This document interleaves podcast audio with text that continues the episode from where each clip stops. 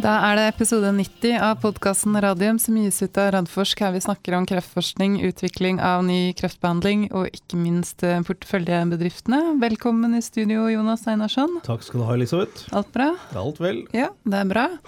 Så har vi to uh, gjengangere, må vi kalle, kalle de.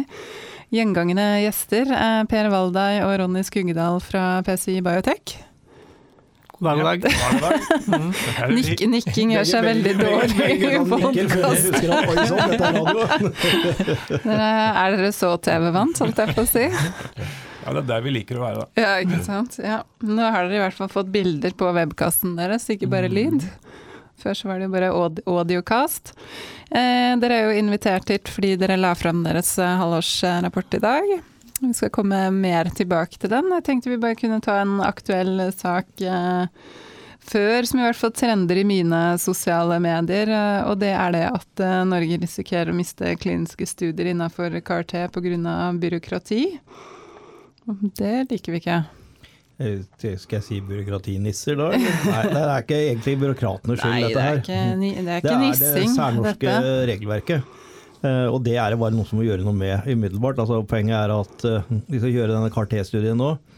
Uh, og I Sverige så tok det 90 dager å få gjennom hele søknad og alle godkjenninger. Det de oppdaget her i Norge, var at de også måtte til opptil flere byråkratier. Miljøvern og Miljødirektoratet. Miljødirektoratet fordi, mm. fordi, det er jo en genmodifisering som gjøres når man setter inn denne CAR-T-en. Det er bare det at det er ikke sånn at du tar den, den hvite blodlegema som er, er fiksa litt på og setter ut i naturen og blomstrer. Så, men det er jo regelverket laga til. Nemlig hva skjer hvis du genmodifiserer mat eller, eller, planter eller dyr og setter ut i naturen. Så det er liksom å få de til å forstå det enkle argumentet at disse genmodifiserte blodcellene de stikker ikke akkurat av. De stikker ikke av og kan ikke leve på utsiden av pasienten. Og hvis vi bare kan si det er riktig, her er stempelet, så hadde vi fått det, får vi denne studien. Hvis de drar ut etter flere måneder nå, så kan vi risikere å miste det. Mm.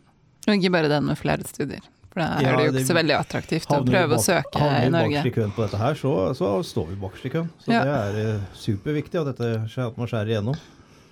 Så man får i hvert fall håpe at uh, Helsedepartementet tar tak i dette her med, med Bent Høie i spissen. Uh, men det var vel det vi hadde å si om sånn politisk. Um, jeg tenker egentlig at vi bare kan eh, gå gjennom den halvårsrapporten sånn som dere gikk gjennom den i dag, ja, Per. Hvis mm. du vil starte Hvis vi kan ta for oss eh, Fima Kjem først. Det kan vi gjøre. Mm. Det vi rapporterte på, på Fimakem, er jo primært i relasjon til release-studien, mm. som jo er den nye studien som har startet nå i, i våres. Mm. Dette var jo en første halvårsrapport, så da fortalte vi at vi hadde fått inn første pasient som kom inn i mai i, i denne studien. Uh, og så er det jo med en sånn studie at du har mange sykehus som, uh, i, i, mange forskjellige land som du må få åpnet for å kunne kjøre en sånn stor global eh, studie.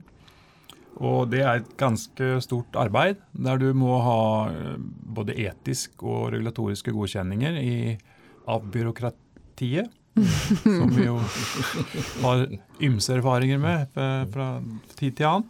Eh, I, I, alle disse land. I tillegg så må du ha ofte lokale etiske komiteer på forskjellige steder hvis du har flere områder i ett land, f.eks. Og, og så må du ha kontrakter og budsjetter som du skal forhandle med hvert eneste sykehus. Og det her er et stort arbeid som gjøres, mm. og det har vi har stått på veldig i løpet av denne sommeren. Og vi har nå fått uh, godkjenning i to tredjedeler av alle de land som vi skal til. Mm. Og vi har uh, åpnet nesten halvparten av alle de sitesene vi skal åpne mm. i Europa og USA. Og vi har også fått godkjenning i USA for, for denne studien. Var, vi hadde jo en åpen IND, som det heter, uh, for gallegangskreft i USA, men vi hadde da sendt inn det, denne protokollen til den IND-en og, ikke fått noen kommentarer på det, så da er den godkjent. ja, det er den der, opp. Hvis ikke dere har hørt noe innen den datoen, så er det jo 30 dager. Ja, ja, ja. Riktig. Hmm. Men det har gått veldig, veldig kjapt da, med å få åpne disse sitene? Det har eh, gått uh, ganske Radig. fort. Det er ikke noe mm. som skjer av seg selv. Nei, nei, det, vil jeg tro. Det er ganske mye arbeid som ligger bak det. Så organisasjonen har gjort en veldig god jobb med å å få dette her igjennom. Nå gjør vi jo ikke alt dette selv, selvsagt. Det er Nei, nei. CRO som gjør det. Men eh, det er vi som på en måte sitter i føringen på alt som skjer. Mm. Jeg tror det er viktig, fordi at eh, alle bruker CRO-er. Eh, Selv de store selskapene Ja, ja. bruker CRO nå. Og det er de som gjør på en måte det nitty-gritty ting, Mm. og passer på at alle formaliteter og hvert eneste skjema er fylt ut riktig, og alt dette som er usedvanlig viktig. Eh, Men i tillegg til det, så har jeg nå fått litt erfaring med at det er så viktig at selskapets egne folk også er til stede. Eh, sånn at, eh, at de, eh, altså CRO-ene blir litt sånn navnløse ansikter for disse som jobber på sykehusene og Mm. utprøverne. Men hvis det er liksom Å ja, det, nå, kommer, nå, nå kommer det en fra release-studien, og da er en fra PCI Biotech Mm. som følger opp. Så er det selvfølgelig da den balansegangen å ikke være for masete, men samtidig ha et godt nok trykk. Og det tror jeg dere har lagt stor vekt på. Det tror jeg er viktig. Ja, det er absolutt veldig viktig. Det er klart at en, eh, du sier en slags navnløst eh, CRO, de har jo ikke det samme eierskapet. Nei. Vi har hyret dem inn til å gjøre en gitt jobb, en operasjonell jobb, Ja. men de har ikke det samme eierskapet til produktet De blir jo konsulenter. studien. Eh, Sånn at eh, de sitene og investigatorene setter veldig pris på å se selskapets representanter til stede og være på sitene.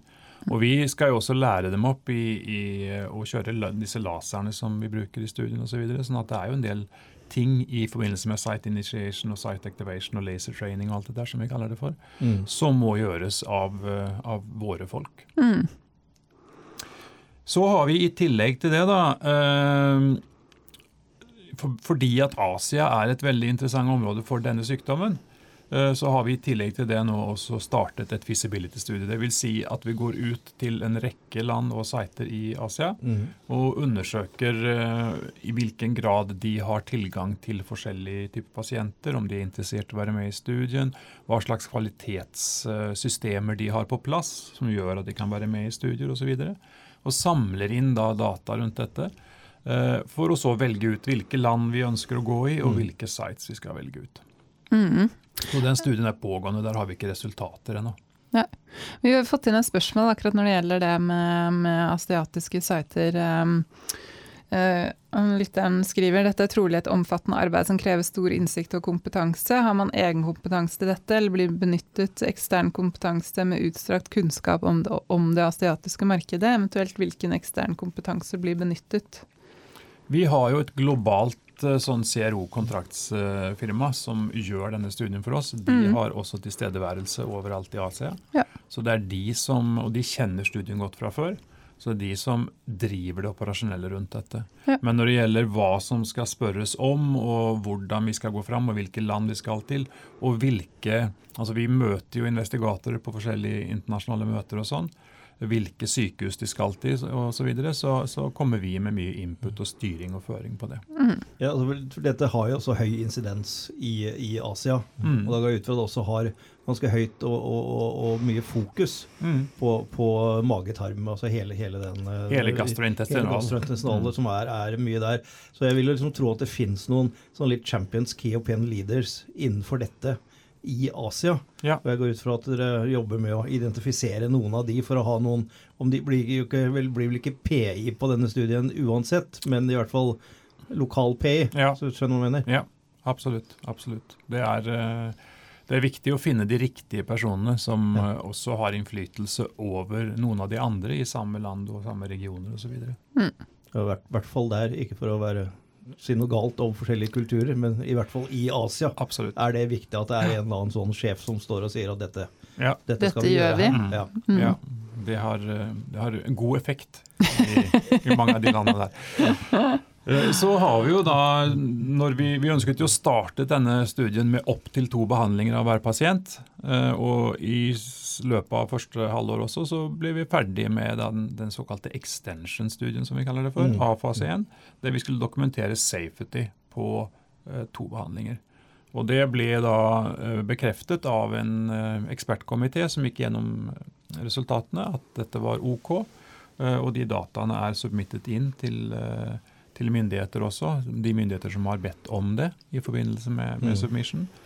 Uh, og um, vi starter nå altså da denne pivotalstudien, eller den har blitt startet, med Mm. opptil to behandlinger av, av pasientene. Ja, og det, det betyr at de som er i stand til det, får to behandlinger.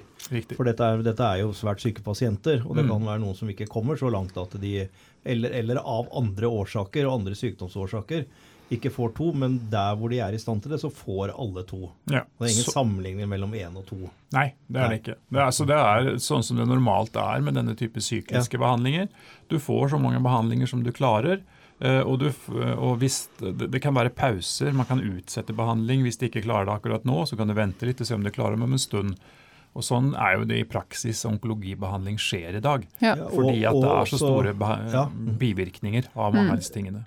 Men det, det er vi vant til med kjemoterapi, Mm. og for så vidt stråling også. Mm. Men det vi ser nå mer og mer, at det samme blir det i immunterapi. Riktig. De er, det er satt opp en schedule, og enten det er en kombi med, med, med disse to forskjellige checkpoint-inhibitorene eller mono.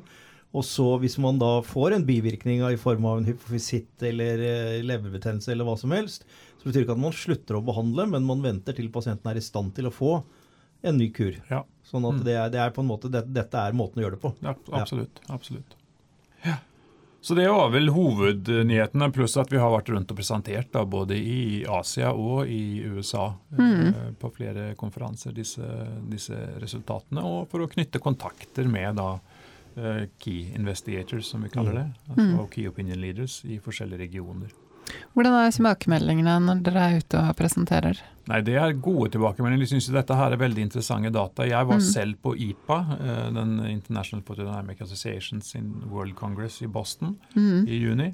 Eh, De to andre møtene har ikke jeg vært på personlig. Men på den så hadde vi et seminar som vi, hadde, som vi sponset, som bare handlet om PCI. Mm.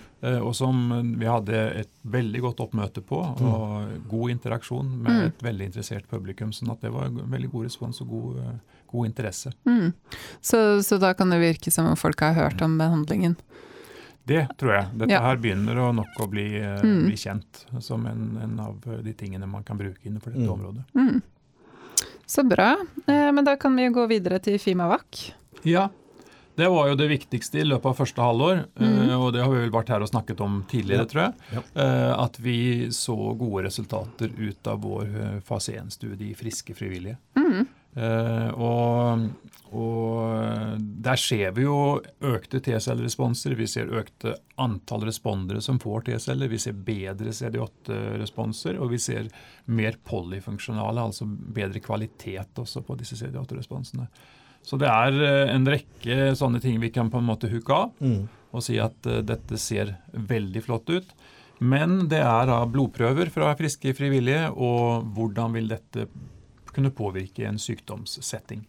Eh, Så det er nå neste skritt. Det er å bruke disse dataene både i diskusjoner med potensielle partnere, og for å se hvor er det mest fornuftig for oss eventuelt å gå inn i en klinisk setting, Mm. og se hva slags clinical benefit, klinisk eh, fordel på på norsk, Mm. man kan få ut av disse resultatene. Du nevnte det under presentasjonen at du sa 99,9% sikkert at den eh, første kom til å bli en eller annen form for terapeutisk vaksine. Ja. Og det, det sier seg jo egentlig selv, for du er ute etter å se noen signaler på klinisk effekt. Mm. Eh, og, og med profylaktisk vaksine eh, Så jeg husker når, når denne eh, vaksinen mot livmorhalskreft kom. Det var ganske mange pasienter og oppfølging på 15 år. Jeg tror vi følger opp enda. jeg. ja. Eh, og, og da må det Det være det noen ting. sånn men, men samtidig så er det kjempestor interesse, spesielt i USA, rundt også den type vaksinering.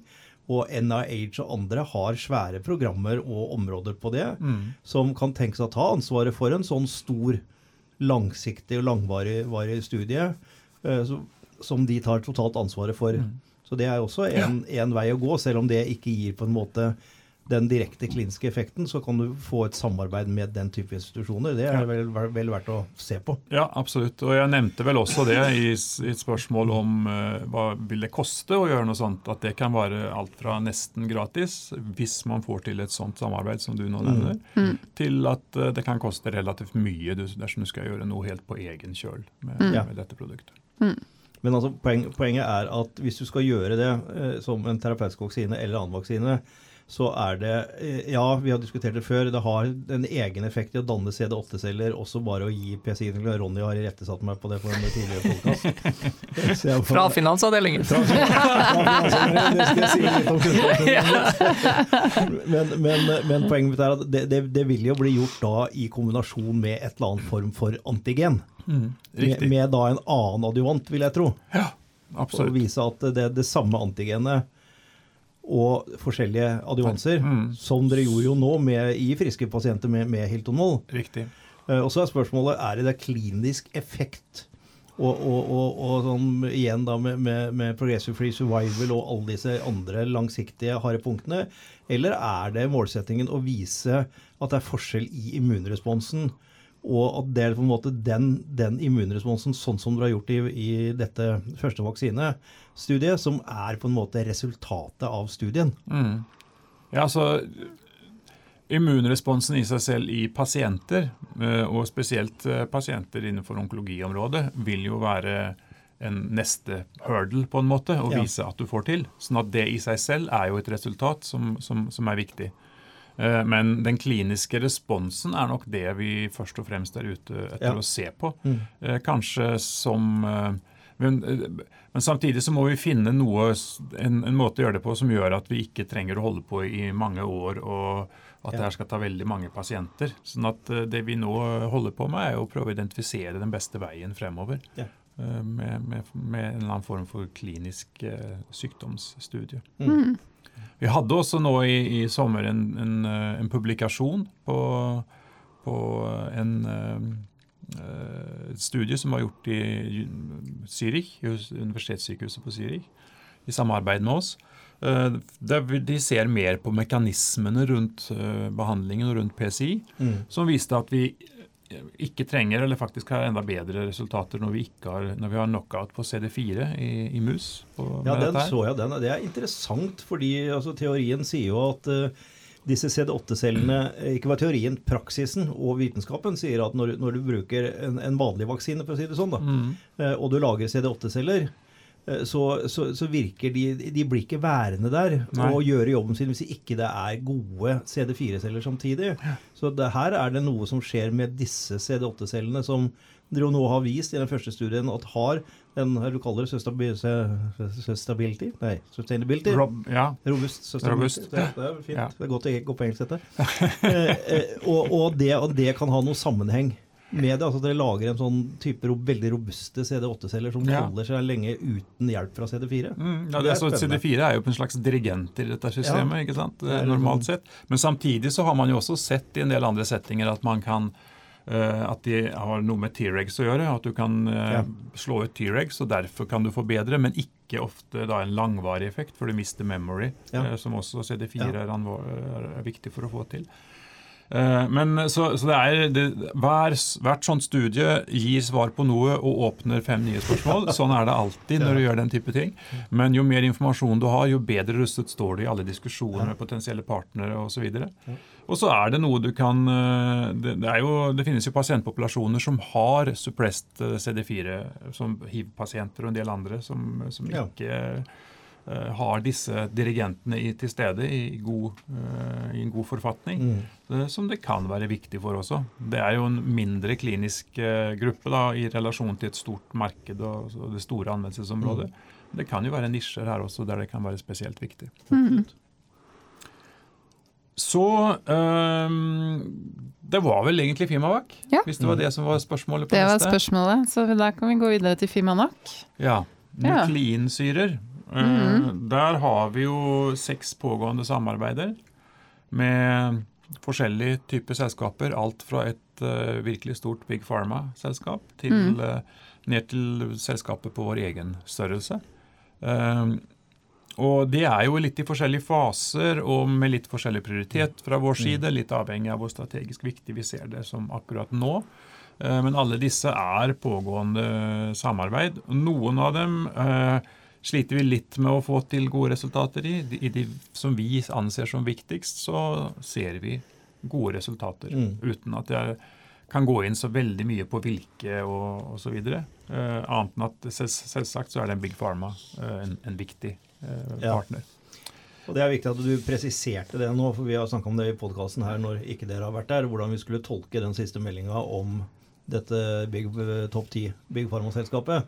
Men da har vi faktisk tolket det riktig. At dere har blitt enige. Nå, nå skal dere gjøre ferdig arbeidet Mm. i løpet av dette året. Ja. Og så har dere gitt dere selv et halvt år Mm. på å komme fram til om og i så fall hvordan dere skal samarbeide videre eh, om dette. Ja.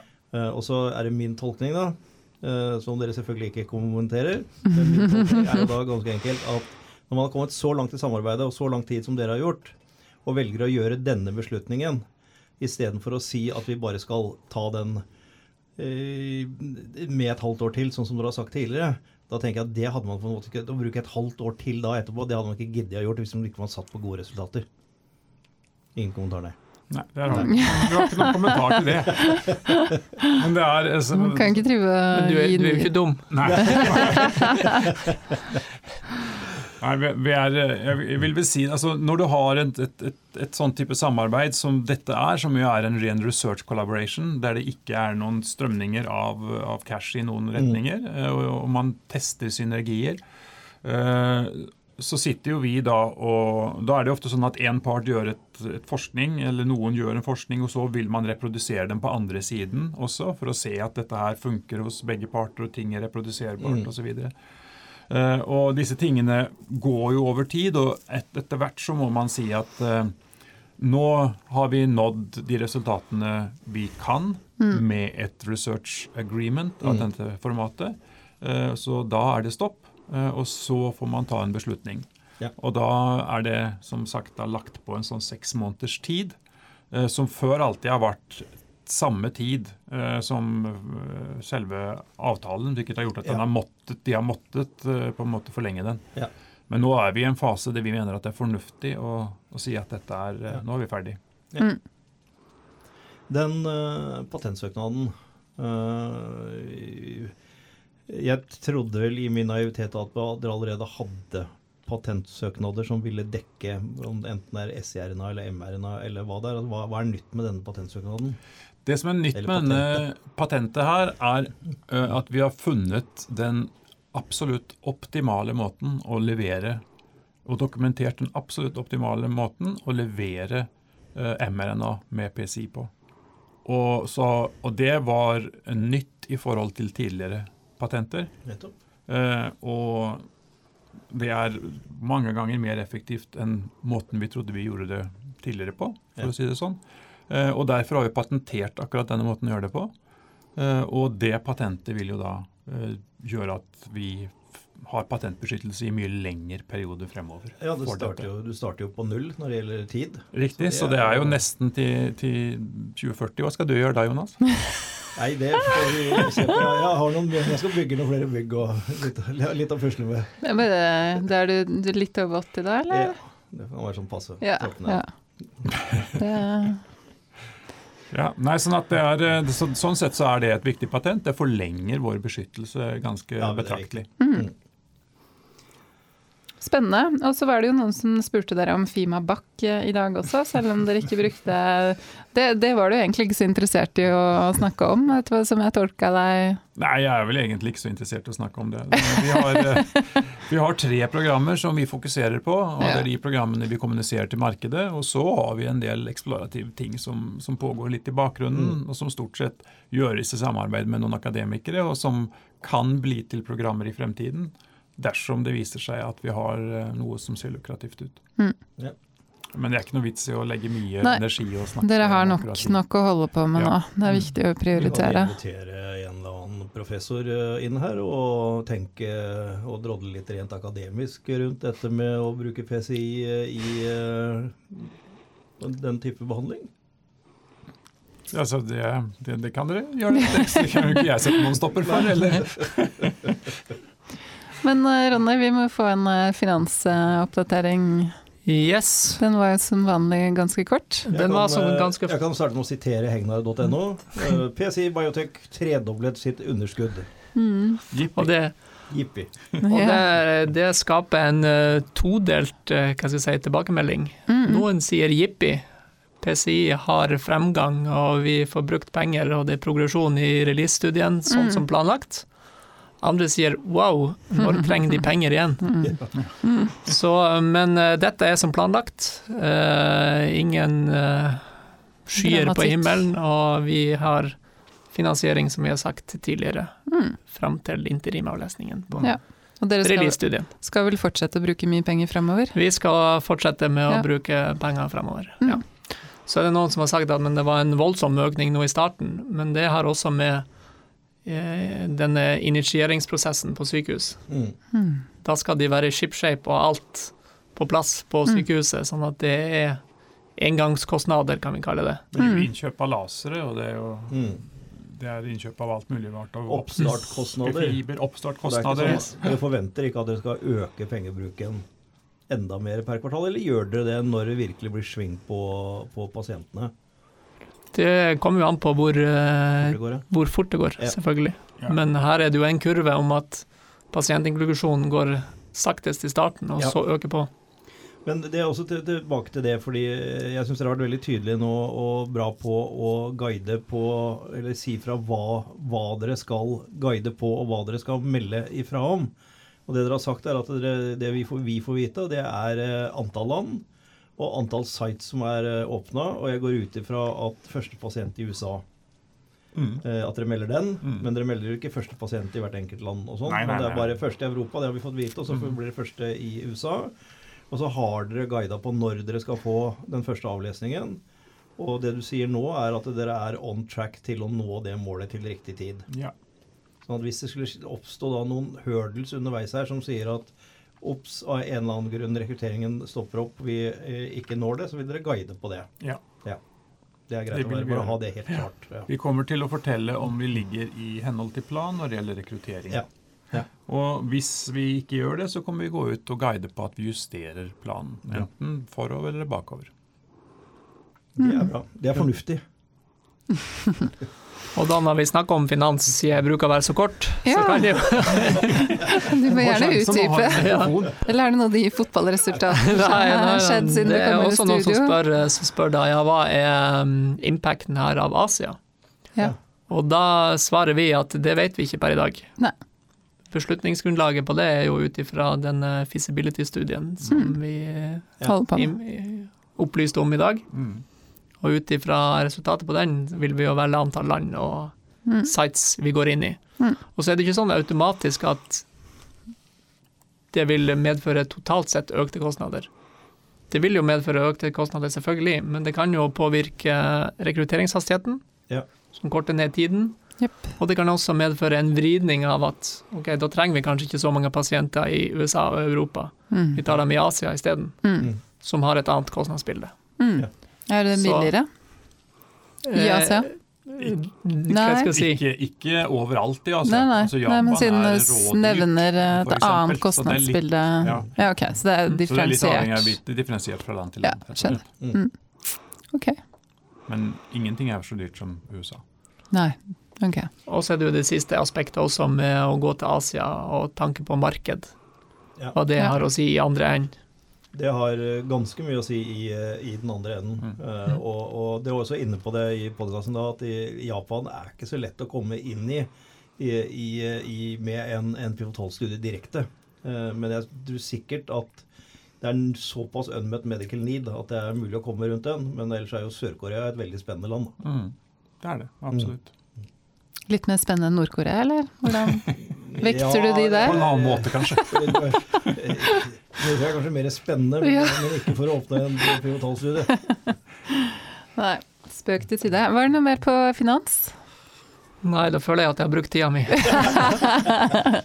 Du har dine 5 av eh, taletiden til Per. Maks.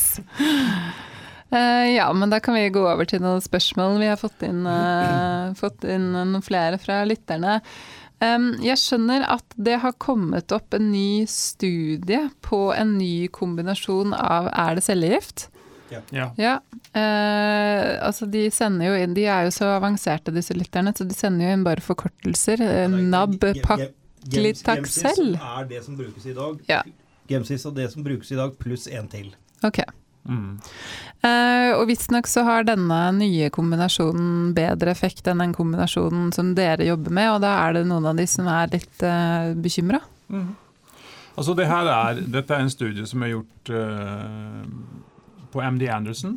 Mm. Uh, i ikke, ikke ukjente MD Anderson. Ja, I samarbeid med Mayo Clinic, en, som heter Mitesh Borad, som, som, står bak det her. Han var også en av våre advisorer når vi designa studien, som vi skal sette i gang nå. Mm. Han har, Det er jo Celgene som har dette produktet, som heter Abraxan, eller Nab, Nabpaclitaxel. ja, takk som, som, er navnet, som er det litt mer generiske navnet. Og det er jo en, en slags uh, litt større produkt i forhold til uh, taksaner. Taksaner som er modifisert for å, for å, bli litt bedre, rett og slett. Mm -hmm. Uh, og det de har gjort i denne studien, her, det er å legge på nab-paklitaxel på standardbehandlingen, som er gemcitabin og cisplatin. Og så har de sett hvilken effekt de får av det. Mm. Så begynte de på normaldosene, og så fant de ut at det her var svært så toksisk. Og så gikk de ned eh, på dosene på både Trogemstabin og på Nabpaclitaxel. Mm. Eh, og fortsatte, og toksisiteten tror jeg ikke sank så veldig mye. Men eh, så det har vært, jeg tror det er nokså toksisk. Nå har ikke jeg lest denne artikkelen nøye. Over 50% grad 3 eller, ja. eller mer. Så det var en nokså ja, nok toksisk mm. uh, suppe. Uh, men uh, men den hadde en effekt. Den hadde tilsynelatende en effekt på en overall survival opp mot eh, jeg tror det var rundt 19 måneder. 19,2 19,2 var det, mm. riktig. Og en progression free survival som kom opp i 11 eller noe sånt. Ja, tror jeg. Ja. Uh, sånn at uh, det her er et, uh, et, produkt som kan nok forlenge overlevelse ut fra det man kan se her. Mm. Det er jo som oss, en tidlig fase. Mm. Du trenger et stort randomisert studie for å si om, om, om dette er har livets rett eller ikke. Mm. Det som uh, vel var litt tydelig i dette, her var at det var nokså toksiske greier. å mm. blande ja. disse, For da har du både taksaner og platiner og gemstabin, altså en nukleosinanalog, i samme suppa. Så det er ganske heavy load på en pasient mm. uh, å gi dette. Dette blir veldig, veldig parallelt egentlig til det som har skjedd innen pankreaskancer. Med, med, hvor de la til, altså hvor de kjørte Folfirinox-studien. Mm. Eh, som også ga overraskende gode resultater, eh, inntil du begynte å se på hvilke pasienter som faktisk kunne få den, for den var også veldig veldig toksisk. Riktig. Og det var bare en undergruppe av pasientene, eh, large minority, sa dr. Folmer, altså under 50% som var i stand til å få den eh, behandlingen. Eh, og de som ikke da eh, tålte den godt nok, i, i de, de, de, ble da tatt av uh, på den, men fortsatte med den samme uh, den standarddoseringen, som var Gemsis der også. Ja.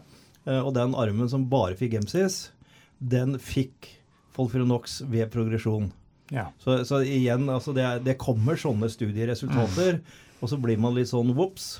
Og så når man begynner å analysere, så, så er det masse nyanser i det. Og det er ikke sånn fritt fram å få det inn. Og så tenker jeg at, og det, det kan du rette meg på, så jeg tar feil der, men jeg tenker at hvis vi nå får igjennom dette her, eh, at kombinasjonen av, av eh, PCI og, og Gemsis-behandlingen er mye bedre enn bare Gemsis, og man går mot en registrering av det. Og hvis det så skulle etter hvert komme at man gjør eh, den type At man legger til flere typer cellegifter Eh, i behandlingen, så er jo det i seg selv ikke noe ekskluderende fra at man allikevel gir Gemsis, og hvis Gemsis pluss PCI er bedre, så vil man jo gjøre det allikevel, tenker jeg. Så jeg skjønner liksom ikke helt Nei, Det er jo sånn det fungerer litt. Det er jo kombinasjonsbehandlinger som er eh, det man tester ut stort sett hele tiden. Ja. Og det man gjør i, ofte i førstelinjebehandling, er jo at man tar jo aldri bort det som allerede er godkjent. Man legger på noen ting. Ja. Fordi at det blir ofte uetisk og sett på, sett på som uetisk å ta bort standardbehandlingen ja. Eh, og teste det med noe helt nytt.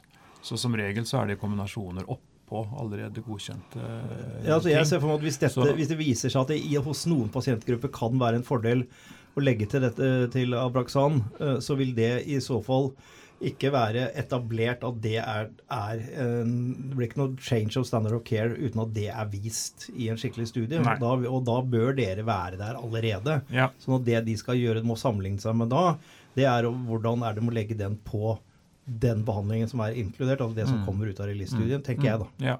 Det er litt avhengig av timing og hvor raskt Ja. går osv. Ja. Men, eh, men eh, ja, i utgangspunktet så, så er jeg enig i det. Ja. Men det er disse kombinasjonsbitene som gjør at man legger ting oppå hverandre. Og så er det noen ganger at man eh, switcher fra én ting til en annen når det da ikke funker like bra. Eller hvis pasienten ikke tåler det. Sånn at det er, det er, ikke, det, det er jo ikke sånn at én behandling som regel og i hvert fall ikke fremover i tid. Liksom uh, One size fits all. Det er noe vi tror, jeg tror vi kan glemme innenfor onkologi. Eh, Ja, for vi ser at når pasienten får progresjon, f.eks. Innen, innen, inn gallgangskreft, på standardbehandlingen, eller, ja, det som er den anerkjente behandlingen, dette tilfellet så, så vil man jo veldig ofte prøve noe mm, i tillegg. Mm. Selv om det ikke står i noen bøker eller Ja. er gjort noen studier på, så vil man jo vurdere er det verdt å gi enda en uh, ny, uh, nytt medikament, og måler da bivirkning opp til hvordan pasienten har det, og hvor lenge pasienten kan leve. Så det, er- det er jo sånn vi behandler pasientene. Vi prøver jo hele tida så lenge vi kan, da, ja. med forskjellige typer kombinasjoner. Mm, mm. Men hvor, eh, hvor bekymret bør man være for konkurransen her? Kan finansavdelingen spørre, et spørsmål? Den medien som ble referert til på 19, Ja, er det for hele studien? Ja. ja, det er det. Og den er ikke fokusert på ekstrahepatikk? Det er eh, 9 eller var det 15? Det er i hvert fall veldig lavt, eller rundt 10 som er ekstra hepatikk. Riktig. Og det er intrahepatikk, og det er gallekreft, og det er en eh, ordentlig sånn Så- suppe, suppe av Så ingen må gjøre den feilen å sammenligne epler og pærer? Nei. Det blir epler og badeballer, som jeg pleier å si. konkurransebildet. Hvor bekymret bør man være pga. Ja. av eh, denne fase 2-studien? Dette er for tidlig til å være bekymret. Ja. Eh, Det er altså det, Så bra. Rett, Det er bare å slappe av. Eh, Det, er, det kommer stadig vekk nye ting innenfor disse Ja. områdene, og man må bare følge med på det Ja. som skjer, og, så, og, og prøve å agere i forhold til hvis det er ting man trenger å agere i forhold til. Ja. Men dette er en, en, en liten studie som ser eh, noenlunde lovende ut, men med mye tox, sånn som jeg kan eh, se det når jeg skummer fort igjennom, i hvert fall. Ja. Eh, Så De sier at de skal starte en fase 3-studie på dette, her, har jeg sett. Eh, Men jeg har ikke hørt noe mer enn det. Og Hvis du går på Celgene sine hjemmesider, tror jeg ikke du finner noen ting om denne Nei. studien i det Nei. hele tatt. Nei, jeg tror ikke det er de som driver den heller. Eh, De er sponsor, tror Ja, jeg. de sponsor, jeg tror de er eh, sponsor, men, men- den er mulig at den er investigator eh, Ja, det- det si.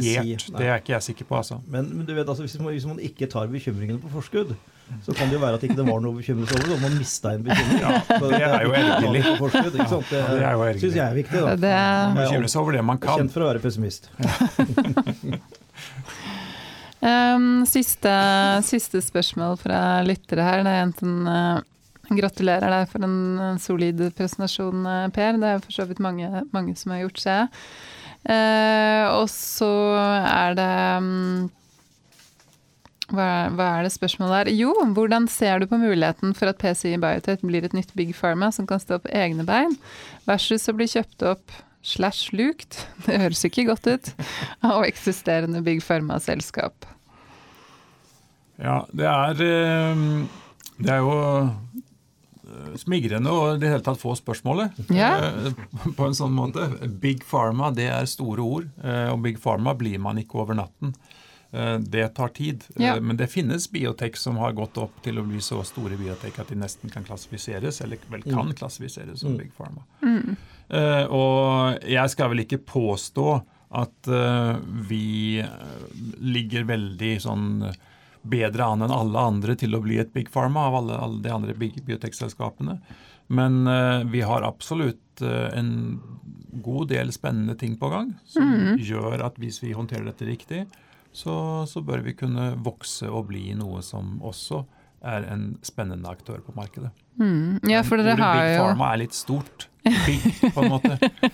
Å ta i når man er Ok. eh, ti ansatte i PC Biotech i Oslo Cancer Cluster. Ja, Ja. Jeg vil heller si at uh, mulighetene er eh, absolutt til stede for å etablere PC Biotech som et uh, sånn uh, litt større biotek-selskap Ja. eh, enn Big Pharma Novartis og sånn. Altså, Det tror jeg vi skal glemme. Men, men at det går an til å bygge et eh, solid biotek-selskap, eh, så trengs det noen, noen ting som må ligge i bånn der. Eh, Og én ting er om det er Radforsk eller et utenlandsk stort investeringsselskap, eller for den saks skyld et Big Pharma-selskap som er hovedaksjonær eller eier i PCI Biotech, så er ikke det det viktigste for meg. For det har vi sett for flere tilfeller nå. Algeta igjen, men også nå når vi solgte Onko Immunity nå, som vi har eh, snakket om her. Hvor da dette svære japanske firmaet Neck Corporation kjøper dette lille norske selskapet og flytter sine toppfolk innen AI hit i innovasjonsparken vår. For at, hvorfor gjør de det? Jo, fordi det er så sterk tilknytning mellom dette selskapet og de andre forskningsmiljøene. Så de vet at bare å ta denne teknologien ut herfra og legge den til Japan, så, så får de ikke med seg alle de gode hodene, og så får de ikke denne kombinasjonen.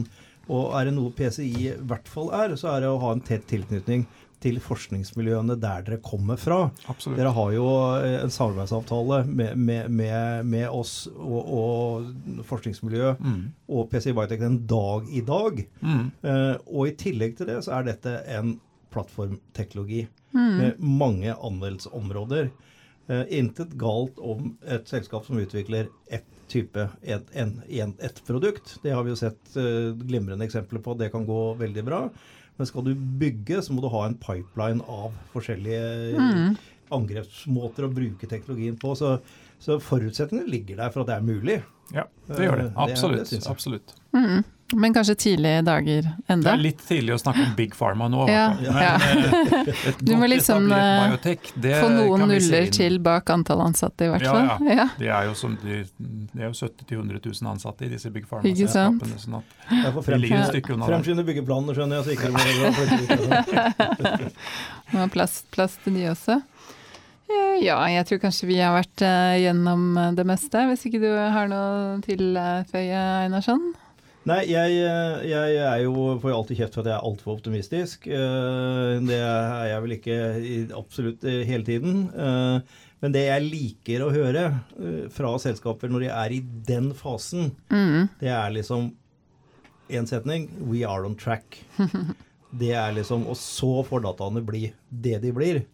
Men det som skaper uro i markedet, det er sånn uforutsette utsettelser eller hendelser som skaper usikkerhet. Så we are on track. Det er det beste vi kan vente oss.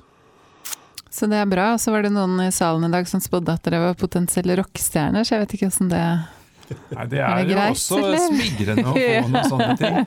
Men det var vel en oppfølging av det også, om at vi, vi det var mer sånn garasjeselskap med en, en del andre. Det var vel noen som syntes de hadde litt hjemmelaga, altså hjemmesnekra logo og hjemmeside som Det ikke heter hadde jo blitt hjemmeside, så den bør vel være hjemmesnekra. da. Nja Det er Nei da, vel ikke men helt dette er noe vi jobber med. Dette Ja. er noe vi jobber med. Men det er ikke det som har høyest prioritet nå i oppstarten av pivotalfasen. Det er, det er det andre ting som har, som har høyere prioritet. Ja. Men vi kommer til å, å gjøre noe med, med hjemmesiden vår også.